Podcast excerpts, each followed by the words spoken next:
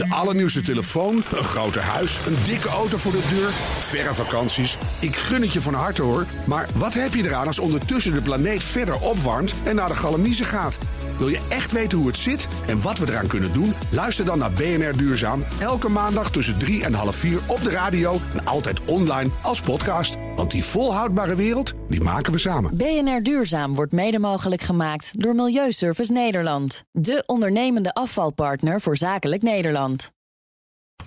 De column van Jaap Jansen. Zijn ze bij GroenLinks nou helemaal gek geworden? Hoor je in de wandelgangen van de macht? Eerst de algemene beschouwingen, waarin partijleider Jesse Klaver pontificaal afscheid neemt van scorebordpolitiek. En daarna de financiële beschouwingen, waarin Kamerlid Bart Snels nog eens uitlegt: er zit zoveel vooruitgang in het beleid van Rutte 3 dat het onverantwoord is als GroenLinks tegen een van de begrotingen stemt. Bij de Partij van de Arbeid begrijpen ze er niks van. Daar willen ze extra geld om het lerarentekort te bestrijden. Misschien stemmen we wel tegen de onderwijsbegroting, riep Lodewijk Asscher. Eisen, dreigen. Daar heb je de Partij van de Arbeid weer, schampelde de coalitie. Eerst liet PvdA-minister Jet Bussemaker in Rutte 2 een gat achter van 500 miljoen euro.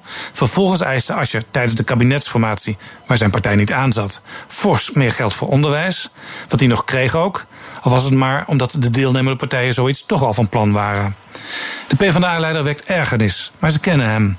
Alle coalitiepartijen hebben alles met de Sociaaldemocraten bestuurd. Ze weten dat die er soms hard ingaan. Van GroenLinks begrijpen ze nog niet veel. Die partij aarzelde altijd over regeren en liet de afgelopen kabinetsformatie onnodig lang duren door twee keer de indruk te wekken misschien, heel misschien, toch mee te willen doen. Toch kan de nieuwe houding van GroenLinks wel eens de opmaat zijn naar een heel interessante ontwikkeling. Klaver en zeker de nieuwe fractievoorzitter in de Eerste Kamer, Paul Rozemuller, kennen hun klassieken. D66 voerde ooit oppositie voor een centrum-links kabinetsbeleid. Dat was lastig voor het CDA, dat toen met de Partij van de Arbeid regeerde. Vervolgens werd D66 met 24 zetels groter dan ooit en forceerde bij Wim Kok en Frits Bolkestein het achtjarig paars bewind. Zonder het CDA. Later vervolmaakte Alexander Pechtold de methode door Rutte 1 en 2 constructief aan meerderheden te helpen.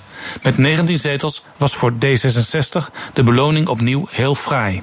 Zoals D66 in de jaren 90 zou voor het CDA nu GroenLinks wel eens een pijn in de nek kunnen worden. Sinds het vertrek bij de VVD van Wiebren van Haga is nu ook in de Tweede Kamer elke extra stem broodnodig. D66 wil de veestapel halveren, het CDA niet. Als GroenLinks hierbij welwillend meedenkt, is dat voor het CDA niet fijn. En dat extra geld voor leraren komt er vroeg of laat wellicht toch. Want Paul Rozemuller is, behalve fractieleider in de Eerste Kamer, ook nog voorzitter van de Voortgezet Onderwijsraad. Die wil er 220 miljoen euro bij. Volgende week gaat Rozemuller er al over praten met premier Mark Rutte. Die maakt er chefzagger van. Alles wat GroenLinks nu doet, kan later een investering blijken te zijn in een volgende kabinetsperiode. Van paars naar groen. Dat zei Jaap Jansen, onze columnist op donderdag. En u kunt zijn column terugluisteren uiteraard op onze website bnr.nl... en ook in de app, de BNR-app onvolprezen en vol met nieuws. En daar kunt u ook alle podcasts vinden. De allernieuwste telefoon, een groter huis, een dikke auto voor de deur, verre vakanties. Ik gun het je van harte hoor. Maar wat heb je eraan als ondertussen de planeet verder opwarmt en naar de galamiezen gaat?